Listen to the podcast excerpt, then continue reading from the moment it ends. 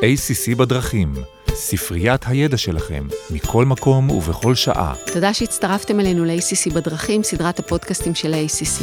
ACC הוא ארגון היועצים המשפטיים הפנימיים בישראל. אני עורכת דין מירב לשם, והיום אני מארחת את עורך דין מיכל אדרי ועורך דין עודד אופק. זה הפרק השני בסדרה, והוא התמקד בהסדרה שחלה על התחום, כפי שמיד נפרט. קצת רקע על הדוברים, מיכל השלים מעשור בחטיבת ניהול הסיכונים של בנק מזרחי ועוד כמה שנים כיועצת משפטית ראשית וקצינת ציות בחברות אשראי חוץ-בנקאי, שזה בדיוק התחום שלנו היום. והיום יש לה משרד שמתמחה בניהול סיכונים, ציות וייעוץ משפטי בתחום האשראי החוץ-בנקאי. אני מאוד אוהבת את זה שיש לך משרד, ואני אגיד את זה כל פעם. מיכל מתמחה בהסכמי מימון, שעבודים, ציות, ניהול סיכונים, והספציאליטה שלה זה ציות ורגולציה באשראי החוץ-בנקאי, כולל כתיבת נהלים ומסמכי מדיניות שתואמים את הוראות הרגולטור. יש, צריך להיות בזה ממש, אה, זה זן באמנות החזקת האופנוע, כי לא לעשות את זה כבד, לעשות את זה מדויק לחברה, ושזה יתמוך בחברה. אני כל כך מעריכה את התחום הזה. Mm. ונמשיך. אה, אז ככה, עודד, הוא מאסטר יודה של uh, כל שוק ההון, אני חושבת. Uh, הוא מייצג, uh, הוא שותף במשרד פירון ועומד בראש המחלקה המסחרית, הוא מוביל גם את האשכול הפיננסי של נותני שירותים פיננסיים במחלקה. יש לו בקיבת המתוקים עוד כמה תחומים. עודד מייצג כמאה נותני שירותים פיננסיים בבערך חצי מהחברות הציבוריות בתחום, ואת איגוד חברות האשראי בלשכת המסחר, והוא מייצג באופן תדיר וכמעט יומיומי את האיגוד ואת הגופים המובילים בשוק נותני האשראי החוץ-בנקאי, מול הכנסת, רשות שוק ההון, בנק ישראל, מאסדרים מאסדרים נוספים. עבדנו לא מעט יחד, בזכות הניסיון הרב שלו מול גופים מאסדרים והמעורבות שלו בחקיקה. אה, אז בזכות זה אנחנו חושבים שאין מתאים ממך ואין מתאים ממך לספר ולהסביר לנו על המהפכה בתחום, וכמובן כל זה, איך זה משליך על היועמ"שים שלנו, כי זה מה שמעניין אותנו, בחברות השונות. אז שלום מיכל ועודד, ואני שמחה לארח אתכם. אהלן. אה, לפני שנתחיל disclaimer קצר, הפודקאסט מיועד להעשיר את הידע הכללי שלכם, כל מה שנאמר בפודקאסט הוא בוודאי לא ייעוץ משפטי ולא מחליף כזה. אנחנו במיני סדרה, בפרק הראשון דיברנו על משטר איסור הלבנת הון ודגשים בקשר לכך, והיום בפרק השני, בפרק שהוא יניח את מסגרת הפעילות החוקית בחוק הפיקוח, ולאחר מכן נעשה גם, הבטחתם לי סדר בכל ים החוזרים וההוראות שנכנסו לאחרונה לתוקף, לנותני שירותים פיננסיים מוסדרים, ועמדת הרשות גם. הבטחנו. כן, זהו. אה, ונפרט על חובות אבטחת מידע, סייבר, טיפול בלקוח, ממונה תלונות ציבור, ניהול אשראי צרכני, שמירת מסמכים, כל הגודיז, ממתקים ממתקים. וזהו, כמה דגשים על כל מיני אירועים שהיו. טוב, מירב, קודם כל תודה לך. מיכל, אהלן. אהלן. Uh, האמת שאני חושב שאני ככה את, uh, ש... אקח את הנושא הזה קדימה ואני אתחיל, קודם כל מאסטר יודה אז תודה, אז אם מאסטר יודה אז בואו נדבר על ה dark side, כן, ה dark side זה החקיקה עצמה. uh, ואנחנו מתחילים בעצם מחוק הפיקוח על שירותים פיננסיים, בואו נלך קצת אחורה, הראשון ליוני 2017 נכנס לתוקף וכל מי שנתן אשראי או כל מי שפעל בעצם במתן שירות בנכס פיננסי, לגבי שירות בנכס פיננסי החל מה-1 לאוקטובר 2018, כל מי שעשה את זה באותו מועד, קם בבוקר והוא חייב ברישיון. זה משהו חדש לחלוטין, לא היה עד אותו רגע. אני מזכיר שכל מי שפעל במתן שירות אה, אה, בנכס פיננסי ובניקיון צ'קים, לפני זה היה רשום בכלל במרשם של, אה, אה, אה, במרשם ברשות המיסים, מרשם נותני שירותי המטבע.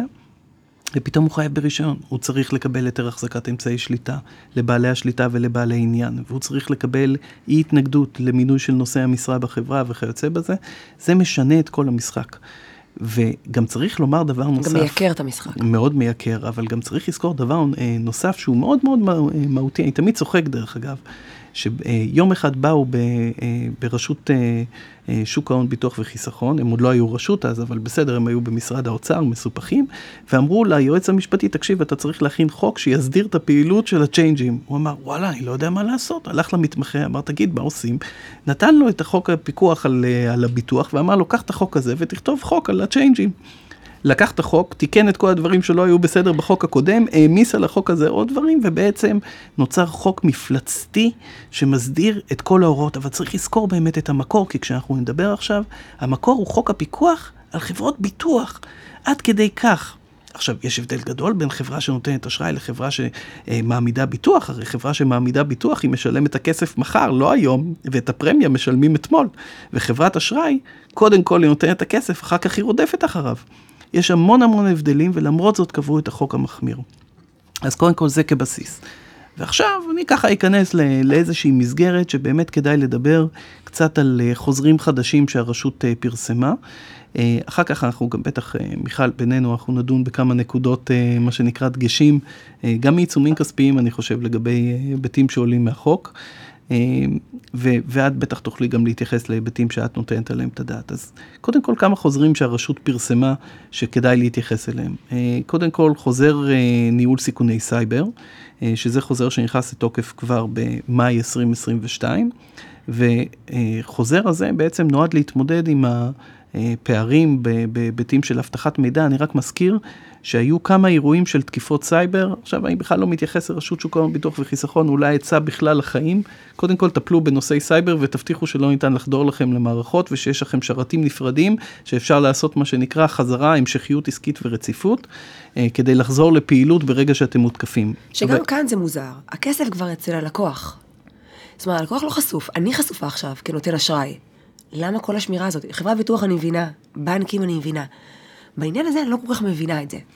אז אני חושב שבאמת, אה, בסופו של דבר אי אפשר להפריד את רשות שוק ההון, ביטוח וחיסכון לרשות, שוק, הון, ביטוח וחיסכון, הם רשות אחת, אז הם מטפלים בהכל ביחד. עכשיו, בשים לב לכך שהם החילו את החובות האלה על כל הגופים שמפוקחים על ידם, אז כמובן שהם החילו את זה גם על נותני השירותים הפיננסיים, וחייבו אותם כמובן באחראי סייבר שיוכל לנהל את הנושא הזה ולהבטיח את אבטחת המידע. אפרופו לייקר את החיים יתייקרו.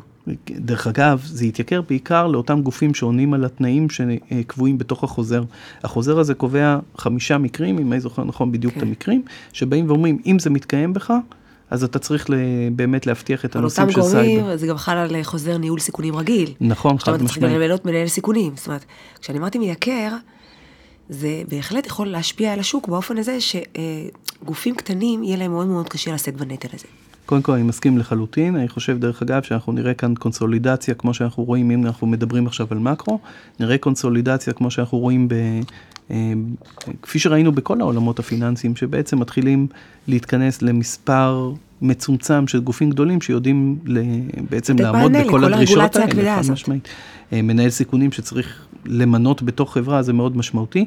אני רק רוצה לשים על השולחן, מנהל סייבר ומנהל סיכונים זה רק באותן חברות שעונות על התנאים הספציפיים של החוזר, לא כל החברות עונות על התנאים האלה. יש גם איזה היגיון, כי למשל מקור אשראי, ממילא הוא מחויב אה, לדווח עם אה, אשראי קמעונאי מעל 250 מיליון, כלומר, שעדיין change קטן ברחוב לא צריך למנות מנהל סייבר, אז כן נכון, נכניס את זה לפרופורציה. נכון, וגם בדיוק אותם מקומות שיש באמת שמירה על כספי לקוחות, או שיש לך את הפרטים... שאז הם באמת דומים לביטוח ולבנקים. בדיוק, ושיש לך את הפרטים של הלקוחות שיכולים להיחשף, ואז הנושא של הסייבר הוא מאוד מאוד חשוב. הסיכונים קיבל היום קצת תפנית, למה? אני הייתי אומר את הדבר הבא, זה נכון שזה חל בחוזר, אבל אתם יודעים מה? עדיף שתכילו כמעט. או לפחות העקרונות של חוזר ניהול סיכון, אני בטח מפתיע אותך, נכון? כן. אז uh, טוב, פעם אחת לכמה זמן, uh, once in a, מה שנקרא full moon, אבל אין מה לעשות, היום העולם, אם תיקחו את מקרה גיבוי איתן, ותיקחו את unit credit, ותיקחו את שאר המקרים, למדים שאם היה ניהול סיכונים, אם היו בוחנים את הסיכונים התפעוליים, את סיכוני האשראי, את סיכוני הנזילות, את סיכוני השוק, לוקחים, מחלקים את זה, מציגים מפה של סיכונים לדירקטוריון, והדירקטוריון היה מנהל את זה, והיה קובע איך מנטרים כל אחד מניהול הסיכונים הזה, האלה, אני חושב שזה היה משנה את התעשייה, וזה היה מוביל לזה שאולי לא הייתה את הנפילה של הגופים האלה כפי שהם נפלו. לכן, נכון, ניהול סיכונים זה רק לאותם מקרים ספציפיים שחלים לפי החוזר. אני חושב שאת העקרונות כדאי להכיל. דרך אגב, חברות ציבוריות ממילא מחויבות בגילוי, מכוח uh, חוזרי גילוי של uh, רשות ניירות ערך, כך שהן חייבות בגילוי וגם uh, גם בגיבוי, גם ביונט, בואו נזכיר את זה שיש שם סניפים.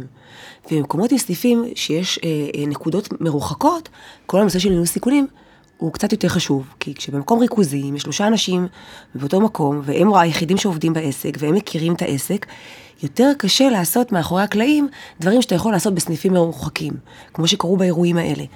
ודאי וודאי שזו חברה ציבורית ויש כאן כספי משקיעים, כמו שאתה אומר, זה בכלל לא משנה, הניהול סיכונים חייב להיות. תשמעי, האמת היא שאם חושבים על זה, זה לא בדיוק הנושא של, אה, שרצינו להתכנס אליו בחוזר, נכון. אבל כשמדברים על סניפים, ואתה, אנחנו כשאנחנו מנהלים בשוטף, אנחנו אומרים סניף, זה חלק, בל, אורגן בלתי נפרד מהחברה.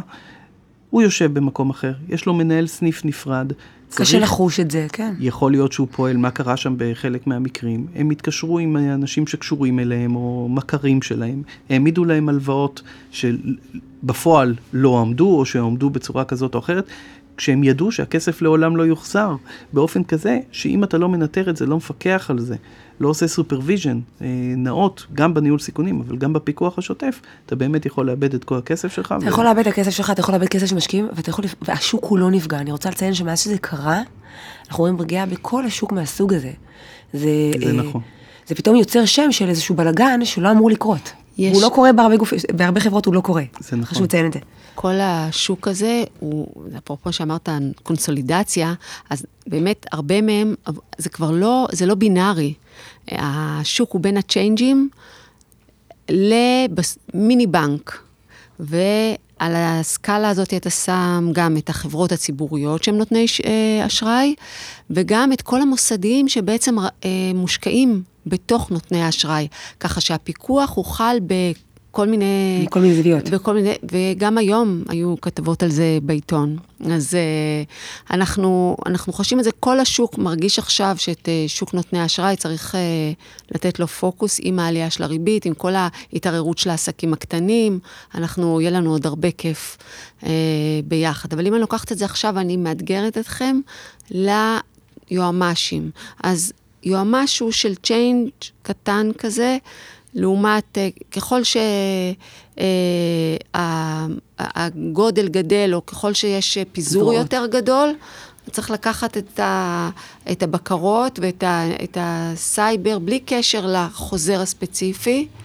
אני, אני זה... הייתי אומר כך, קודם כל צריך לראות אם זה באמת חל החוזר. זה אלה באמת כמה א'. כללים שמתקיימים, אה, וצריך לבדוק את לא זה. לא רץ ליישם חוזר שאתה לא חייב ליישם. עכשיו, בשונה, אגב, מרשות ניירות ערך, רשות ניירות ערך יודעת, לה, או יצרה הבחנה בין חברה גדולה לחברה בינונית, או מבחינת החובות שחלות עליהן. כאן אין הפרדה כזו, כלומר, אין הבחנה כזו. אם החברה, גם אם הוא בעל רישיון בסיסי, אה, וגם אם הוא בעל רישיון מורחב, הוא חייב בחובות שחלות כאן, וכאן אני כן אני כן רוצה להתייחס לעוד כמה חובות שבהכרח חלות, ואז היועץ המשפטי בהכרח חייב להכיל את זה על עצמו, אבל כן, הוא צריך לבדוק, לדעתי לעשות רשימת תיוג של החוזרים, מה חל עליו, מה לא חל עליו. זה א' ב'. ואת מי הוא צריך למנות, כי הכמות מינויים כאן היא בלתי נתפסת, למרות שגם בחברה קטנה, כנראה שכל המינויים יהיה המנכ"ל, אבל, אה, אבל החובה קיימת, לדוגמה. אה, החוזר לגבי אה, תלונות ציבור, טיפול בתלונות ציבור, שנכנס לתוקף במאי 2023, חייבים למנות ממונה על תלונות ציבור. דרך אגב, חלות עוד חובות, צריך לרשום בהסכם מיהו הממונה פניות אה, ציבור ואיך פונים אליו, וצריך במקום הפעילות לשים שלט לגבי הממונה על פניות הציבור, אז ככה שאלה חובות נוספות שצריך. יש לך גם בנושא של ממונה פניות הציבור.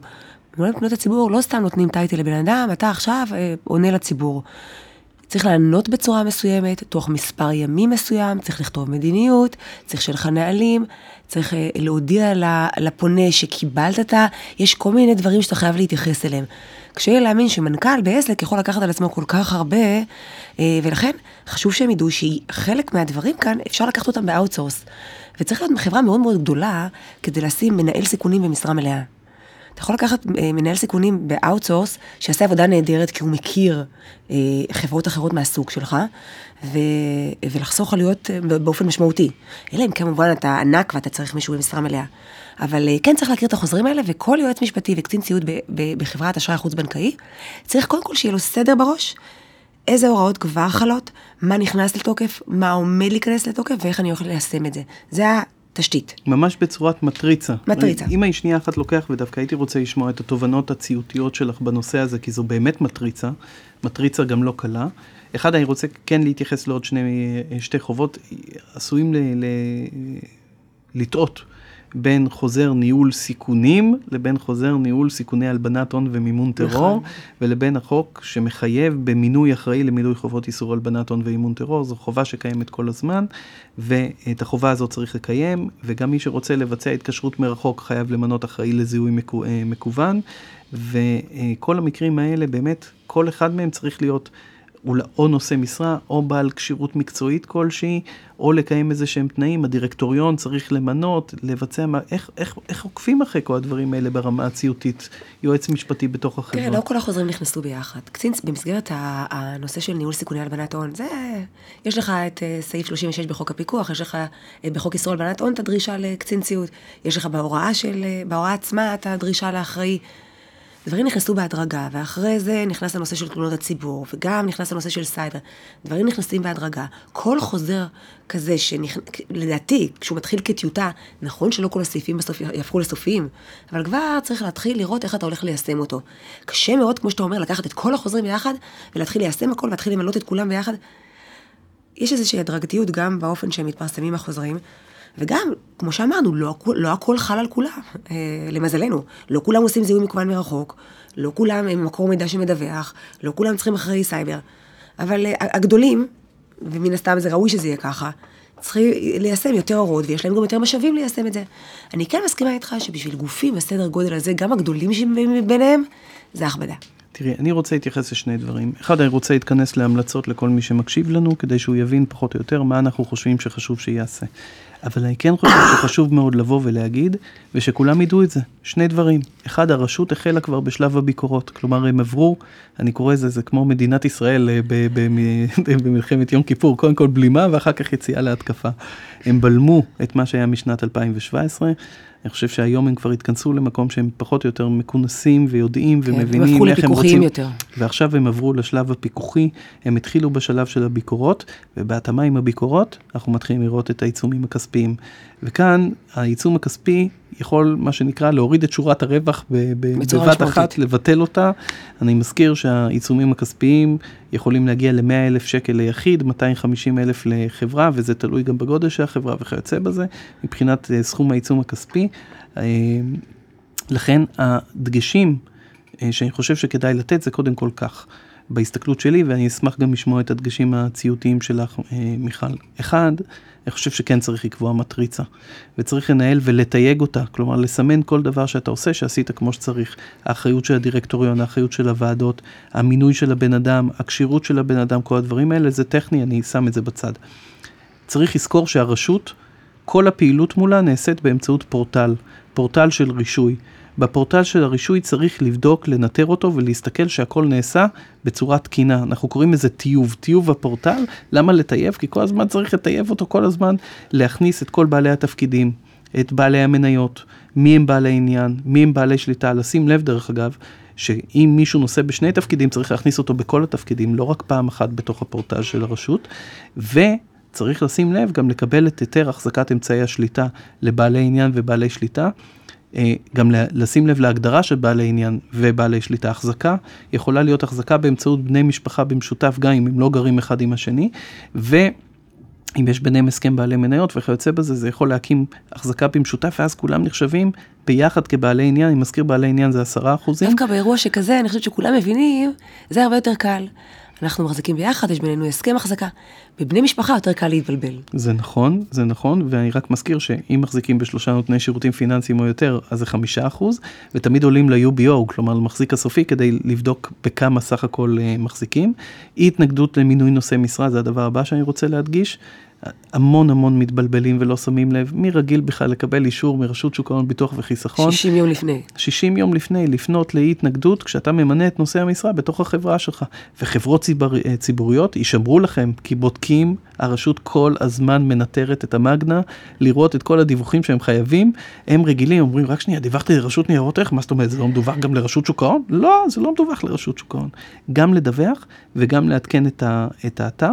ונקודה חשובה שאני רוצה לציין, שמדי פעם לא שמים לב, שגם רואה חשבון צריך אי התנגדות. כלומר, גם מינוי של רואה אה, חשבון או החלפה צריך גם כן אי התנגדות.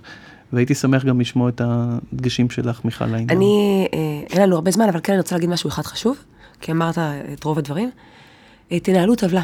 תנהלו טבלה ביום, תאריך ככה וככה, דיווחנו על ככה וככה, בפורטל, מי דיווח, כשיש לך טבלה מול העיניים ואתה רואה בכל תאריך מה דיווחת, זה עושה סדר. כשאתה מדווח ככה באופן ספונטני, יכולים ללכת לאיבוד דברים, ובדיוק פה העיצומים הכספיים הם יכולים להיכנס. אז כן, לנהל טבלה מסודרת, אה, כל קצין ציות, מתי הוא דיווח ועל מה. ראיתי אתמול שבתנועת מלקחיים על חברות שירותי תשלום, רשות ניירות ערך אה, העלתה הצעה, פרסמה הצעה לתקן את ה... אה, גם במהימנות. כן. כן, אז... אבל האמת היא שזה עוד מוקדם, כי זה אמור להיכנס רק בשישי ליוני 2024. נכון, אבל הנה הם מכינים. הם מכינים את עצמם, כן, כי כל מי שנותן שירותי תשלום כשירות, יהפוך להיות מפוקח על ידי רשות ניירות ערך החל מהשישי ליוני 2024. זה התנוע, תנועת המלקחיים, נכון. זה לאט לאט, זה תמיד ברגולציה, יש נכון. את תנועת המטוטלת. הכסף הולך לאיפה שאין רגולציה, ואז הרגולציה מגיעה ואוספת אותו יש כאלה שאומרים חזרה. חוזרים לסדרת Twin Peaks, מי שמכיר את זה, אז Twin Peaks יהיו שני רגולטורים כאן, גם רשות ניירות ערך וגם רשות שוק ההון ביטוח וחיסכון. חלק מהאנשים לא אהבו את הסדרה וכנראה גם לא יאהבו את הפיקוח. אז ככה לסיום, אה, טיפים ליועמ"ש שמנסה לשרוד. קודם כל ת, תנטר את, ה, את ההוראות. המטריצה שעודד דיבר עליה זה מאוד חשוב. המטריצה היא טובה. לנהל מעקב אחרי הדיווחים שלכם לרשות שוק ההון, ביטוח וחיסכון. אה, כי יש גם ספירה של ימים, כמה זמן לפני, יש אי התנגדות, לפעמים חוזרים לפני. וזה בגדול. אני קורא לדבר הבא תיאוריית ההשתנקות. מה זה תיאוריית ההשתנקות? אתה מתעורר בבוקר ומשתנה, מה שכחתי, אוקיי? מה כן. שכחתי לדווח. כמו שאמרה מיכל, לרשום לעצמך, לתרשם לעצמך, לתעד לעצמך, כל מה שעשית, להיכנס לפורטל הרישוי, לתעד את עצמך לדעת, מה שנקרא, עד זרה, פשוט כל דבר לעדכן את הרשות.